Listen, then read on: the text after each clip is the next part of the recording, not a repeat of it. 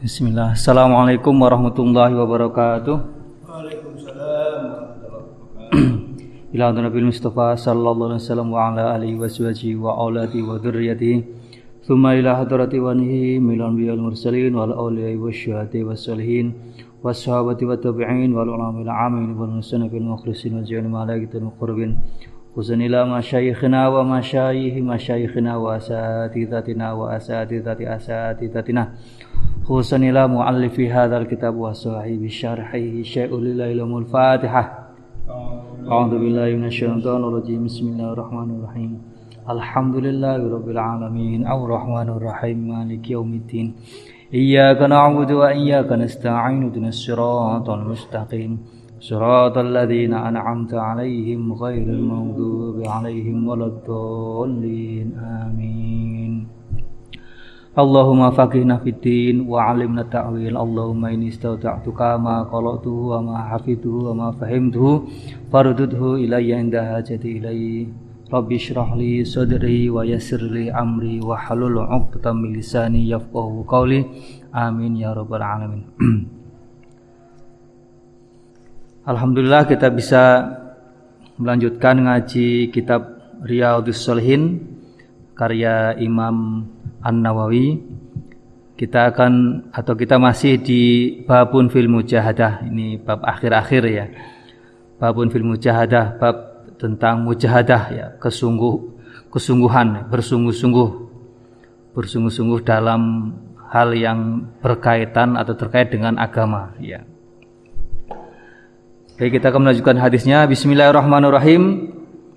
Al-Khamisa Asyara Al-Khamisa Asyara utawi utawi hadis kang nomor 15 ini hadis yang ke-15 dari babun fil mujahadah An Anasin saking sahabat Anas radhiyallahu anhu ini Anas bin Malik ya um, salah satu pembantu Nabi ya, asisten Nabi. Jadi menjadi pembantunya Nabi itu sejak usia 10 tahun ya, diserahkan oleh orang tuanya untuk mengabdi kepada Nabi sampai usia 20 tahun ya sampai Nabi wafat ya. Jadi 10 tahun sejak sejak usia 10 tahun ya, mengabdi kepada Nabi sampai 10 tahun berikutnya ya. Sampai Nabi wafat jadi usia 20 tahun ya. Jadi masih remaja nih. Nah, karena Anas ini menjadi pelayan Nabi, pembantu Nabi, otomatis kan kehidupannya ya banyak bersama Nabi ya. Apalagi selama 10 tahun. Nah, oleh karena itu sahabat Anas bin Malik ini salah satu sahabat yang riwayat hadisnya paling banyak ya. Jadi salah satu di antara tujuh orang yang meriwayatkan lebih dari seribu hadis ya. Itu uh, Anas bin Malik. An Anasin radhiyallahu anhu Qala Qala wis ngucap sapa Anas Ghoba ghaib tidak hadir Ghaib tidak hadir. Ghoba ghaib tidak hadir tidak ikut.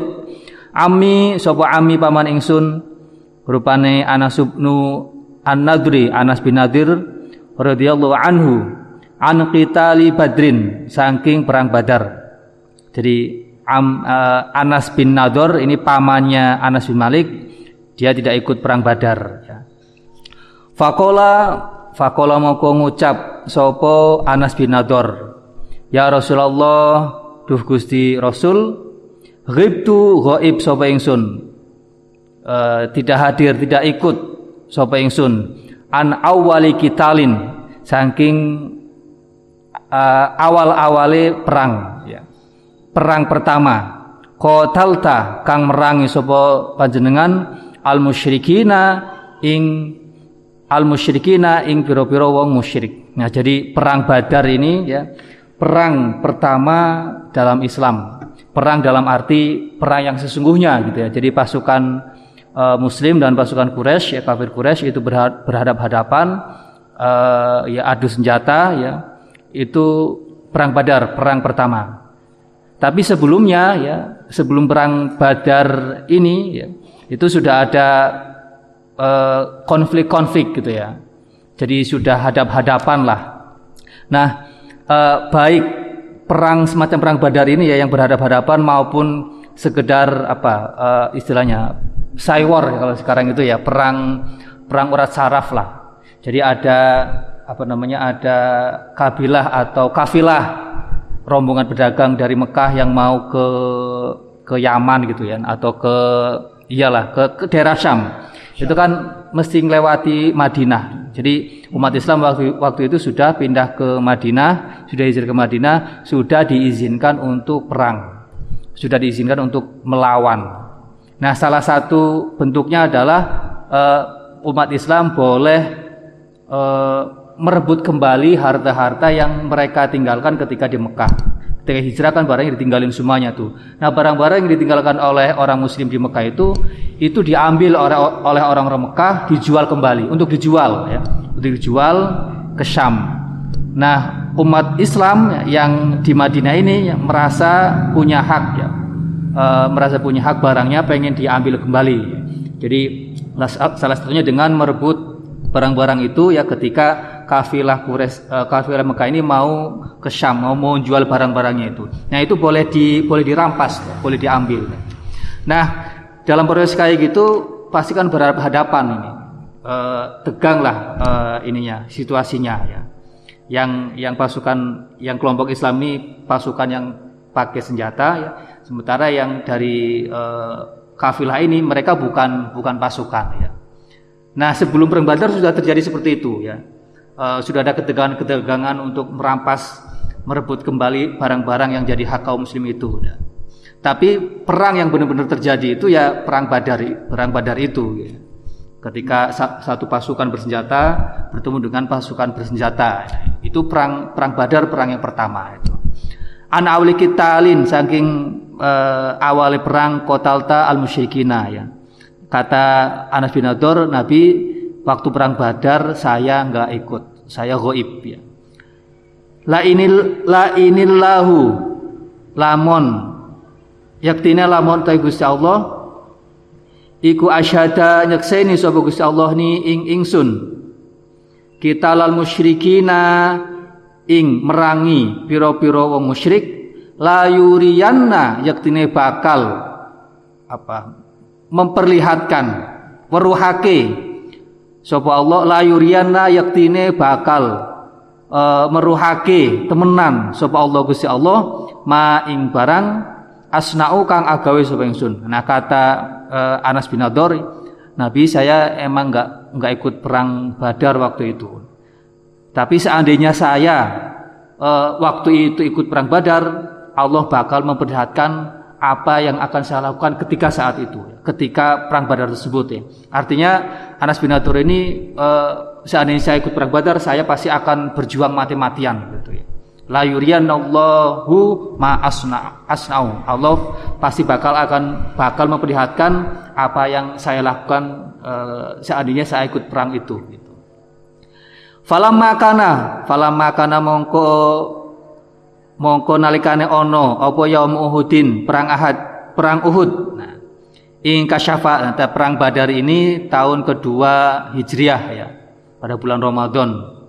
Uh, ini ini kan masyur ya. Jadi uh, pasukan muslim itu menang ya dengan jumlah 300 pasukan. Pasukan Quraisy jumlahnya 1000 ya. Tapi pasukan Quraisy kalah ya. Uh, korbannya itu di pasukan Quraisy sampai 70 70 orang yang yang meninggal yang mati ya. Nah dari pasukan muslim cuma 14 yang syahid.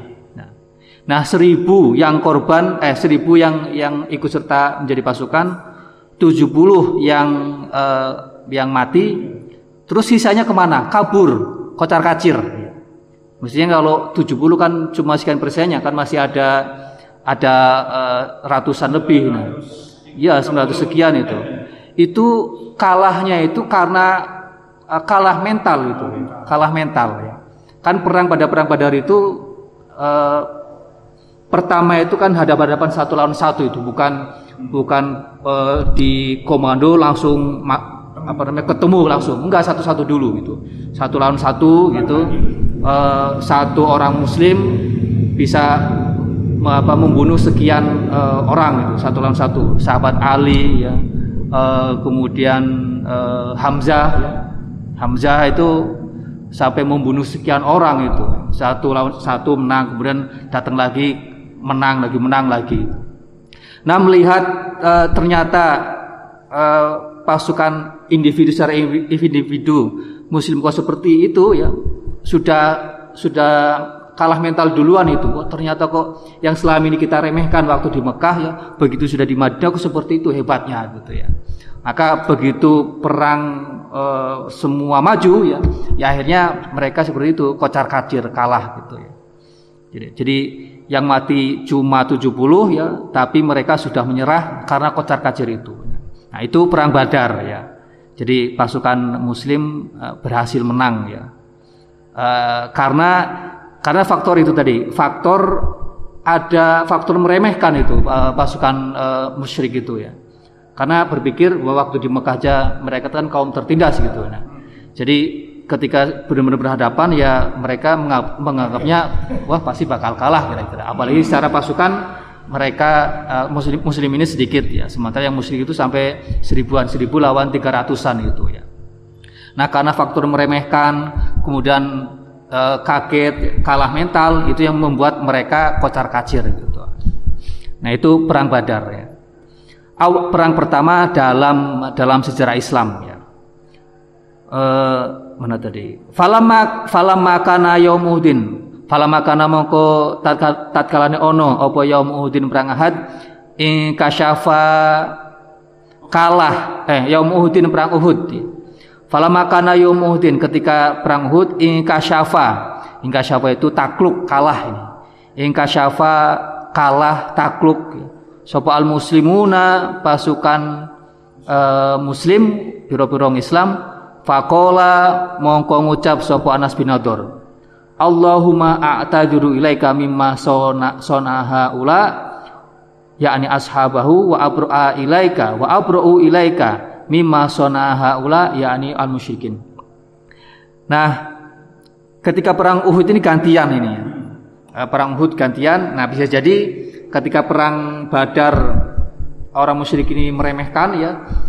Eh, dan ternyata setelah itu tahu kekuatan muslim itu ternyata tidak bisa diremehkan ya. akhirnya mereka uh, punya misi balas dendam ya. punya misi balas dendam ya, sekaligus mempersiapkan dengan lebih matang ya untuk menghadapi perang berikutnya nah perang Uhud ini setahun berikutnya setelah perang Badar jadi berarti tahun ketiga lah ya. uh, nah pada perang Uhud ini kaum musyrik sudah uh, persiapannya sudah lebih matang. Mereka sudah menyusun strategi gitu ya. Uh, dengan pasukan yang jauh lebih besar ini. Nah, pada perang Uhud ini pasukan musyrik uh, eh, 3000 ya. Jadi tiga kali lipat dari perang Badar. Sementara pasukan muslim cuma 700 ya. Cuma 700. Ada yang mengatakan sebenarnya 1000 pasukan muslim itu pada perang Uhud, tapi yang yang 100 itu yang 300 itu belot. Yang 300 itu belot ya uh, gabung ke pasukan uh, Quraisy, pasukan musyrik itu. Jadi 700 lawan 300 ya, eh, 700 lawan 3000 secara pasukan lebih besar secara strategi mereka juga sudah memperhitungkannya nah di perang Uhud itu pasukan uh, Quraisy ini dibagi dua sayap lah. Ada sayap kanan ada sayap kiri. Di sebelah sayap kanan ini kan ada ada bukit ada bukit. Nah, nah Nabi sudah sudah menempatkan satu pasukan sekitar 50 pemanah, 50 pemanah di di Uhud itu ya. Nah, kata Nabi ya, apa pun yang terjadi, kalian ini pasukan pemanah jangan beranjak, jangan pergi dari dari tempat kalian, dari posisi kalian ya. Nah, mau apa pun yang terjadi, kecuali kalau saya sudah mengizinkan kalian turun atau atau pindah. Pokoknya apa pun yang terjadi jangan jangan beranjak, jangan pindah dari tempat kalian, dari posisi kalian.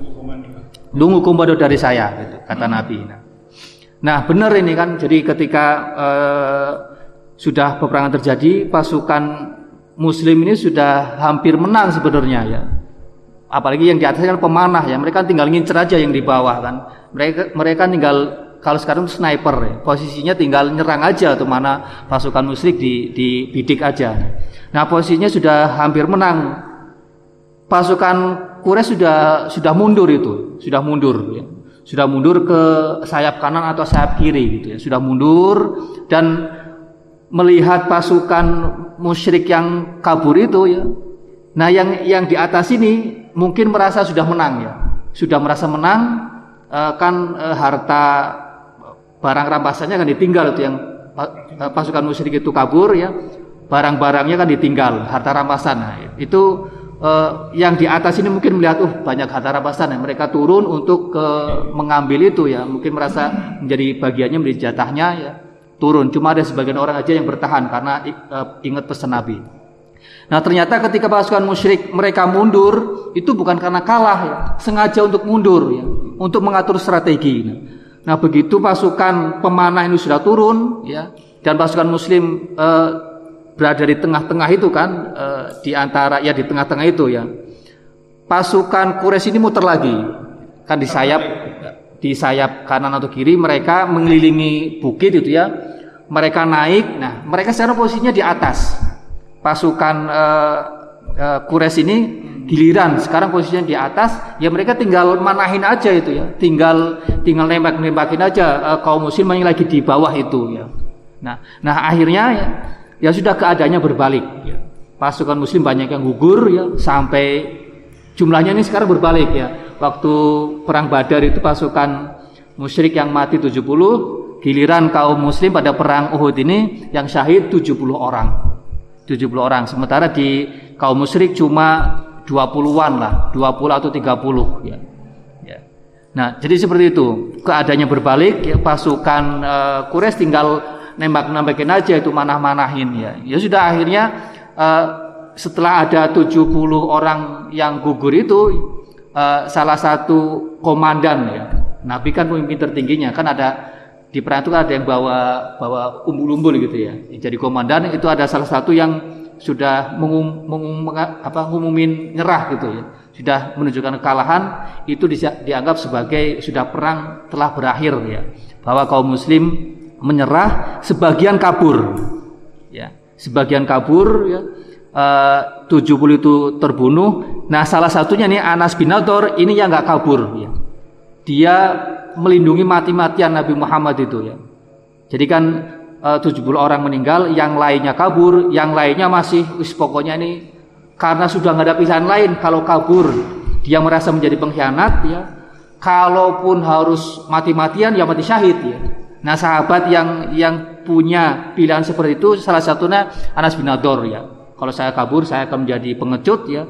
Kalaupun saya mati, saya bakal mati syahid. Ya sudah saya milih mati-matian untuk melanjutkan perang saja. Nah, sahabat Ali, beberapa sahabat lain melindungi Nabi. Ya. Sampai uh, Nabi di perang Uhud ini kan sampai wajahnya tersayat. Nggak tahu kena pedang atau mungkin kena kena benda tumpul. Yang jelas ada yang ada yang tersayat sampai berdarah. Giginya Nabi sampai rompol. Ya, ya mungkin yang jelas kena ada sayatan ya. Berdarah sampai wajah Nabi itu giginya istilahnya itu rubaiyah. Rubaiyah itu gigi yang di sampingnya gigi depan. Kan ada dua gigi kita ya gigi depan ini.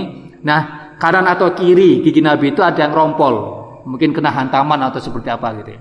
Jadi uh, giginya rompol gitu ya patah mukanya wajahnya berdarah.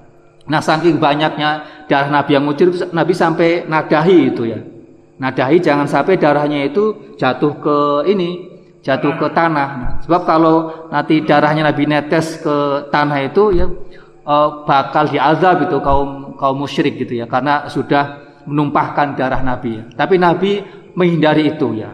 Uh, Nabi nggak pengen umat musyrik ini binasa sekaligus ya.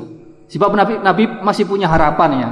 Siapa tuh mereka saat ini me, apa merangi merangi kaum muslim ya tapi siapa tahu di antara mereka bakal ada yang muslim atau anak turunnya bakal ada yang muslim gitu. Jadi Nabi e, tetap nadahi darahnya itu agar tidak jatuh ke tanah. Kalau jatuh ke tanah itu yang akan menjadi wasilah atau sebab mereka kaum musyrik yang ikut perang itu akan dibinasakan habis sekaligus gitu ya. Karena akhirnya kan terbukti kan e, para pemimpin perang Uhud itu kan e, ada Abu Sufyan gitu ya. Ada uh, siapa itu kan uh, termasuk Hindun kan yang Hindun terus uh, Wahsy yang menjadi budak budak yang punya misi khusus karena disuruh oleh Hindun dan Abu Sufyan untuk membunuh paman Nabi Hamzah gitu kan ya itu kan semuanya masuk Islam itu ya Hindunya Abu Sufyannya termasuk Wahsyinya Itu semuanya kan masuk Islam. Itu salah satu di antara uh, apa namanya rahmat Nabi seperti itu ya. Nabi nggak pengen mereka dibinasakan sekaligus ya, karena Nabi masih punya harapan ya. Uh, siapa tahu mereka ada yang masuk Islam atau anak turunnya yang masuk Islam. Kenapa? Iya. Jadi banyak ke uh, banyak hikmahnya gitu yang yang yang yang apa namanya yang berawal dari perang Uhud tersebut. Nah, nah itu jadi uh, perang ini berbalik ya perang Uhud menjadi kekalahan kaum muslim ya kekalahan pertama kaum muslim dalam dalam peperangan ya melawan kaum uh, musyrik uh, riwayat ini ceritanya Abu Nador ya, bagaimana kesungguhan dia ya, mati-matiannya dia ketika dalam perang Uhud ini. Fakola mongko, ya, tadi kan dikisahkan kaum muslim ini kalah gitu ya, uh, sebagian kabur gitu ya. Fakola mongko ngucap sopo uh, dungo sopo Abu Nador, Anas, Anas bin Nador. Allahumma dukusti a'tadhiru a'tadhiru uh, nyuwun nyuwun ngapura sapa ingsun memintakan maaf sapa ingsun. Ilaika marang panjenengan mimma saking barang sona akang agawe sapa haula yakni ashabahu piro-piro sahabate nabi. Nah itu tadi kan sudah dijelasin. Jadi sebagian pasukan muslim ketika perang Uhud ya ketika kondisinya sudah berbalik mereka kocar kacir ada yang kabur. Ada yang kabur sudah mereka nggak boleh menyelamatkan diri ya. Mereka fokusnya menyelamatkan diri, nggak peduli kondisi Nabi kayak apa gitu ya. Nah, Abu Nadur ini berdoa, ya Allah, semoga orang-orang yang kabur tadi itu ya dimaafkan. Saya memohon memohon, memohonkan maaf ya kepada Engkau eh, agar orang-orang yang pasukan Muslim yang kabur ini, para sahabat ini dimaafkan ya. A'tadiru ilaika mimma sona'a ula ya. Saya memohonkan ampun kepada Engkau ya untuk mereka sahabat-sahabatku yang kabur gitu wa abraulan wa abra wa abraulan uh, bebas sapa ingsun uh, apa namanya? Melepaskan diri. Ya, tidak mau bertanggung jawab. Ilaika marang panjenengan mimma saking barang sona akang agawe sapa haula mungkon mungkono yakni al musyrikina uh, yakni ngarepake sapa Anas bin Nadur al musyrikina ing pira-pira musyrik. Nah untuk orang musyrik uh, Abu Nador tidak mau bertanggung jawab. Pokoknya pokoknya ya Allah terserah apa yang mau uh, engkau lakukan terhadap orang-orang uh, musyrik itu ya. Yang muslim yang kabur saya memohonkan ampunan uh, musyrik yang yang menyerang ya saya serahkan urusannya kepada engkau kira seperti itu. Summa takodama nuli maju sopo Anas bin Nador bala mongko madep. Ini Abu Naudor sudah sudah sudah ini apa ya? Semangatnya menggubu-gubu ya. Merasa yang pertama merasa ketika perang Badar dia nggak ikut absen gitu ya dan sedikit ada penyesalan. Yang kedua melihat kondisi sudah kocar kacir, sebagian pasukan Muslim kabur dan dia hanya punya punya pilihan yang mulia yaitu eh, apa namanya membunuh pasukan musyrik yang tersisa atau saya mati syahid. Pilihannya cuma itu. Dia nggak punya pilihan kabur. Nah, ketika sudah mau melakukan itu, dia ketemu dengan fastakbala madab hu ing Anas bin Nador sapa Sa'ad bin Mu'adzin Sa'ad bin Mu'adz. Jadi eh, Abu Nador ini ketemu Sa'ad bin Mu'adz. Faqala moko ngucap sapa Anas bin Nador, "Ya Sa'ad bin Mu'adzin, he Sa'ad bin Mu'adz, al jannatu Al jannatu utawi surga. Al jannatu utawi surga warob warobin nadri.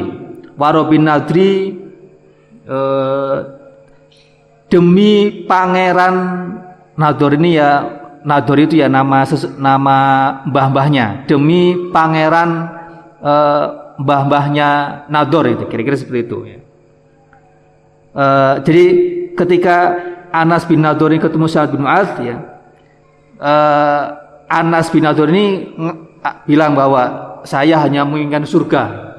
Seolah-olah ketika uh, Anas bin Nadur ini sudah mau sudah mati-matian itu mau mati-matian seolah dia bakal mati syahid.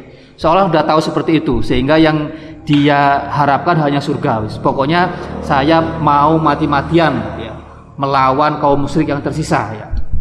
Uh, walaupun mungkin harus mati gitu ya. Karena kalaupun mati pasti syahid gitu ya ini satu menit ingsun iku ajidu nemu sapa ingsun rihaha ing ambune surga min duni Uhudin saking cedeke gunung Uhud.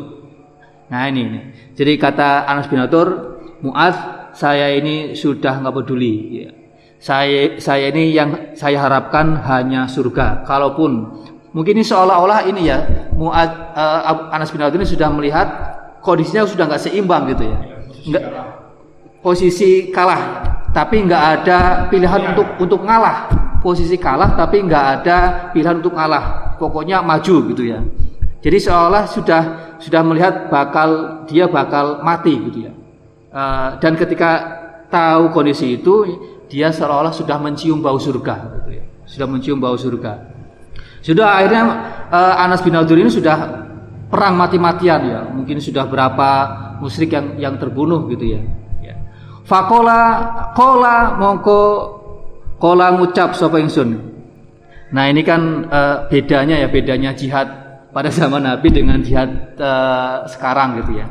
Kalau jihad pada zaman Nabi ya, itu kan sudah jelas ya. Musuhnya sudah pasti musyrik ya. Dianya kaum muslim sudah pasti muslim bela Nabi karena kan bersama barisan Nabi. Nah, ketika mati sudah pasti syah, syahid yang dilawan sudah pasti musyrik, kalaupun dia mati sudah pasti syahid. Itu pada zaman Nabi, jihad pada zaman Nabi. Nah kalau jihad zaman sekarang kan, apalagi mungkin di Indonesia, ya, tahu jihadnya dorongan apa kan, yang dilawan juga orang Islam juga gitu kan. Korbannya rata-rata yang mungkin orang Islam, yang di yang diserang kantor polisi. yang diserang eh, aparat-aparat-aparat yang kebanyakan orang Islam gitu ya. Jadi nggak tahu nggak jelas ini ya eh, motivasinya apa ya tujuannya apa, tapi sudah memastikan bahwa dirinya uh, syahid.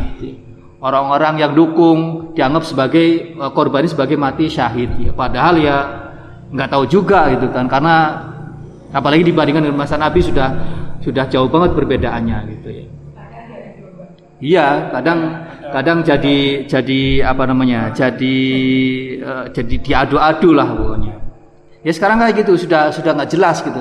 Apalagi untuk Indonesia ya. Mungkin berbeda berbeda kalau di di Timur Tengah karena kan perang mereka kan beneran kan. Negara dengan negara mereka mempertahankan negaranya sama seperti ketika Nabi mempertahankan pasukannya mempertahankan kaum muslim kan. Jadi peperangan pada masa Nabi itu termasuk perang Badar dan Uhud itu posisi Nabi dan kaum muslim itu mempertahankan diri sebenarnya. Bukan bukan menginvasi gitu. Perang Nabi itu ya, untuk kondisi Nabi, untuk posisi Nabi itu mempertahankan diri. Berbeda dengan niat kaum musyrik ya, musyrik yang pengen menyerang, menginvasi, mengalahkan. Pasukan muslim itu sebagai mempertahankan diri, bukan karena invasi. Kalau invasi kan mestinya Nabi nyerang nyerang Mekah kan nyerang nyerang balik gitu. Posisinya nggak seperti itu. Itu jihad pada masa Nabi, perang pada masa Nabi seperti itu. Itu. Jadi kalau kalau ada misalkan bom bom bunuh diri gitu, zaman sekarang ya apalagi di Indonesia yang mengatasnamakan jihad kemudian dilabeli syahid ya kita jangan jangan terburu menilai seperti itu ya. Eh, belum tentu juga gitu. Sebab kan lawannya nggak jelas ya. Eh, sahid atau tidaknya juga pasti juga belum jelas gitu. Ya dalam konteks Indonesia sebut saja mereka kriminal kan? Karena kan membunuh orang lain itu. Dilihatnya seperti itu saja karena dalam penilaian Islam uh, yang seperti itu masih uh, belum jelas walaupun mungkin bisa dipastikan itu adalah uh, mati yang uh, namanya bunuh diri, dosa bunuh diri, secara hukum negara sudah jelas itu kriminal. Gitu. Itu yang yang yang yang lebih mudah seperti itu penilaiannya. Gitu. Nah kalau zaman Nabi ya sudah jelas ya, pasukan Islam membela Nabi yang dilawan orang musyrik kalau mati ya sudah jelas mati syahid. Itu. Kola kola ngucap sebuah Sa'dun Sa'ad.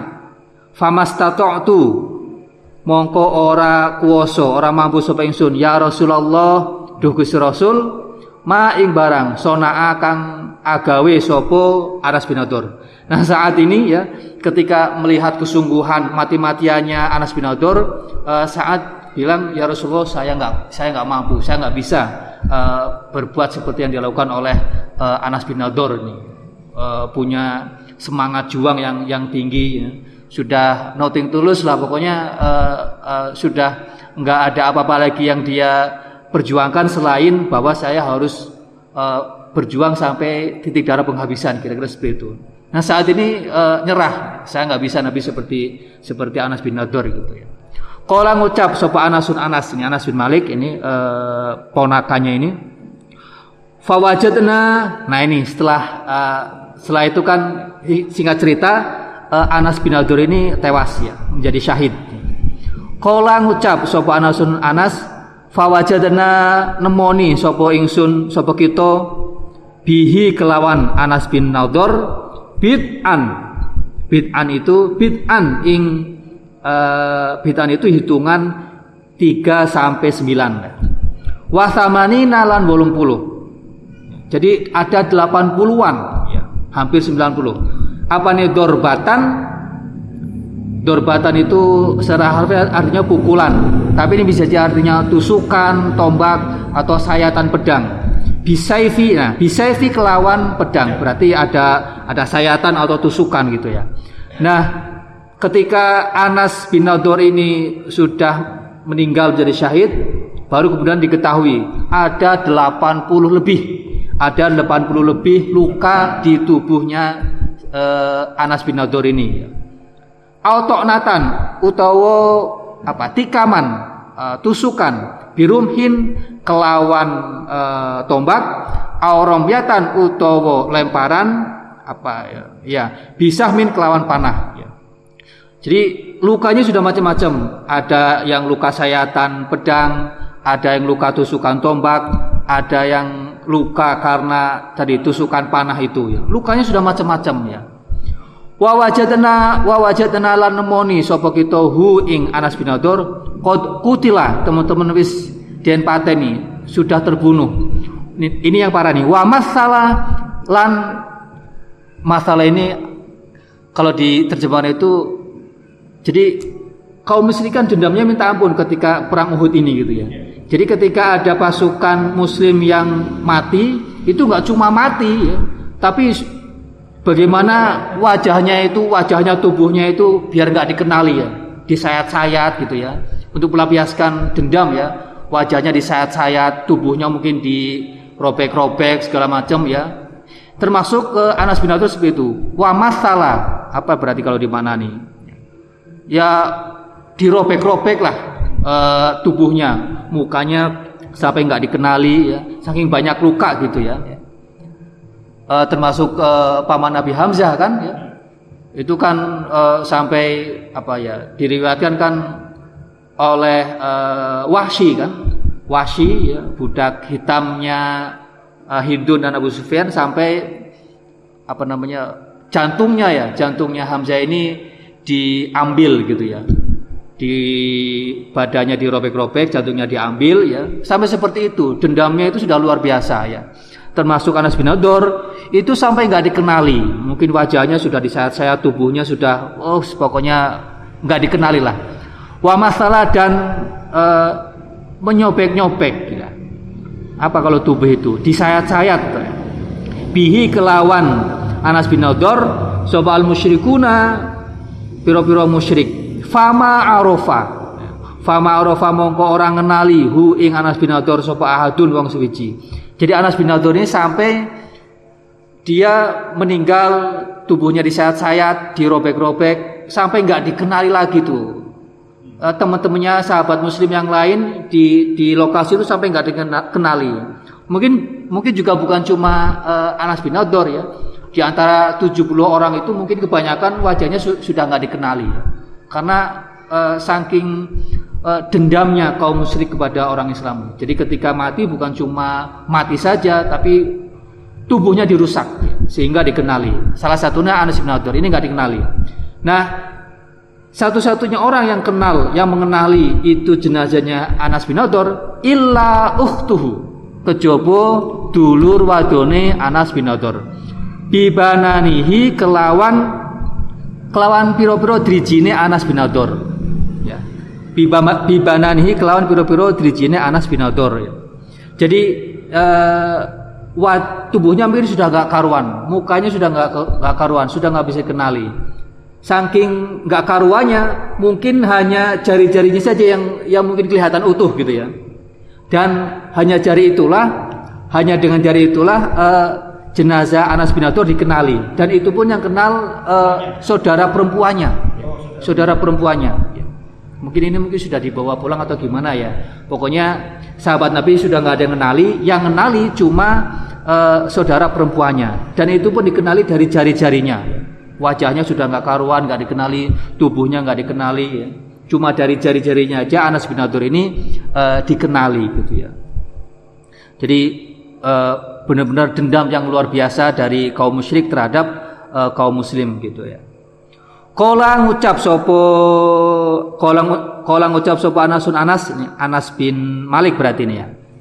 Pamannya namanya Anas bin Nadir ini yang uh, menjadi korban, yang menjadi syahid ya. Uh, kuna ono sopo kuna ono sopo kita iku naro ningali sopo kita. Ona dunu utawa nyongko sopo kita. Anna hadhil ayata ing satu iki iki ayat iku nazalat.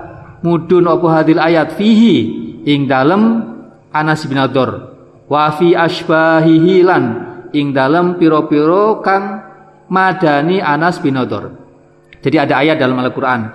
Minal mu'minina rijalun sodaku ma'ahadullah ma'ahadullah ma'ahadullah alaihi minal mu'minina rijalun sodaku ma'ahadullah alaihi. Di an, minal mu'minina setengah saking iku setengah saking piro-piro min rijalun utawi piro-piro wong lanang sodaku kang kang bener sopo sopo rijalun kang yang menepati sopo rijalun maing barang. Ahadu kang janjiake berjanji sopo rijalun Allah ing Gusti Allah alaihi ing Jadi di antara orang e, mukmin itu ada uh, ada orang-orang yang menepati janjinya kepada Allah. Menepati janji kepada Allah. Nah, Anas bin Malik ini tahu ayat minal mu'minin rijalun dan seterusnya itu sampai menyangka bahwa ayat ini ya sebenarnya turun kepada Anas bin Nadir. Karena Anas bin Nadir tadi itu ya punya punya punya janji, punya semangat untuk ikut perang uh, Uhud karena dia sempat absen di perang Badar dan dia akan perang ikut perang Uhud uh, akan berjuang mati-matian dan benar kan dan benar ya. Dia berjuang mati-matian ketika sebagian orang uh, sebagian sahabat itu sudah kabur ya karena menghindari uh, menyelamatkan diri. Kalau Anas bin Adur tidak ya. Dia uh, berjuang sampai titik darah penghabisan ya. Ila akhiriha marang akhir ayat muttafaqun alaih. Nah itu. Jadi Oh ini ada lanjutnya. Qauluhu utawi qauluhu utawi dawe eh mana berarti Qauluhu utawi dawe Anas bin Adur ini laru la la yuriyanna yaktine apa Mas? Uh, Anas bin Adur ini. Ini kan yang la la yuriyana kan ucapannya Anas bin Adur itu yang sebelumnya ini. Jadi yang sebelumnya kan Anas bin Abdul mengatakan Nabi saya nggak ikut perang Badar ya. Seandainya waktu itu saya ikut perang Badar, saya Allah akan menunjukkan ya bahwa saya akan melakukan sesuatu yang luar biasa dalam perang Badar tersebut itu. La yuriana yaktine bakal meruhake subhanallah. Ruya bidomil yai. Bidomil ya berarti yu, yuria. Wa kasrir wa kasrir roi lan kasroh roe. La yuri. Ai Nah, maknanya la yuzhironna yaktine bakal nampakake, menampakkan, menunjukkan subhanallah Gusti Allah zalika ing mengkono-mengkono Anas bin Nadir atau kesungguhan Anas bin Nadir linasi marang menungso. Jadi seandainya uh, Anas bin Nadir ini ikut perang Badar, saya orang-orang akan melihat kesungguhan ya. Uh, mujahadah atau jihadnya Anas bin Nadir itu bakal luar biasa Nah, ketika perang Badar nggak terbukti karena nggak ikut, akhirnya itu terbuktikan dalam perang uh, Uhud ya, sampai Anas bin Abdul ini menjadi uh, syahid. Ya. Waruya lan dan riwatake bi fathihima kelawan fathai ya lan ro ro ayaro la la layaro ro ayaro layaro yanna berarti. Wa makna wa makna hulan utai manane la yuriyanna iku dhahirun pertelo. Wallahu Wassalamualaikum warahmatullahi wabarakatuh.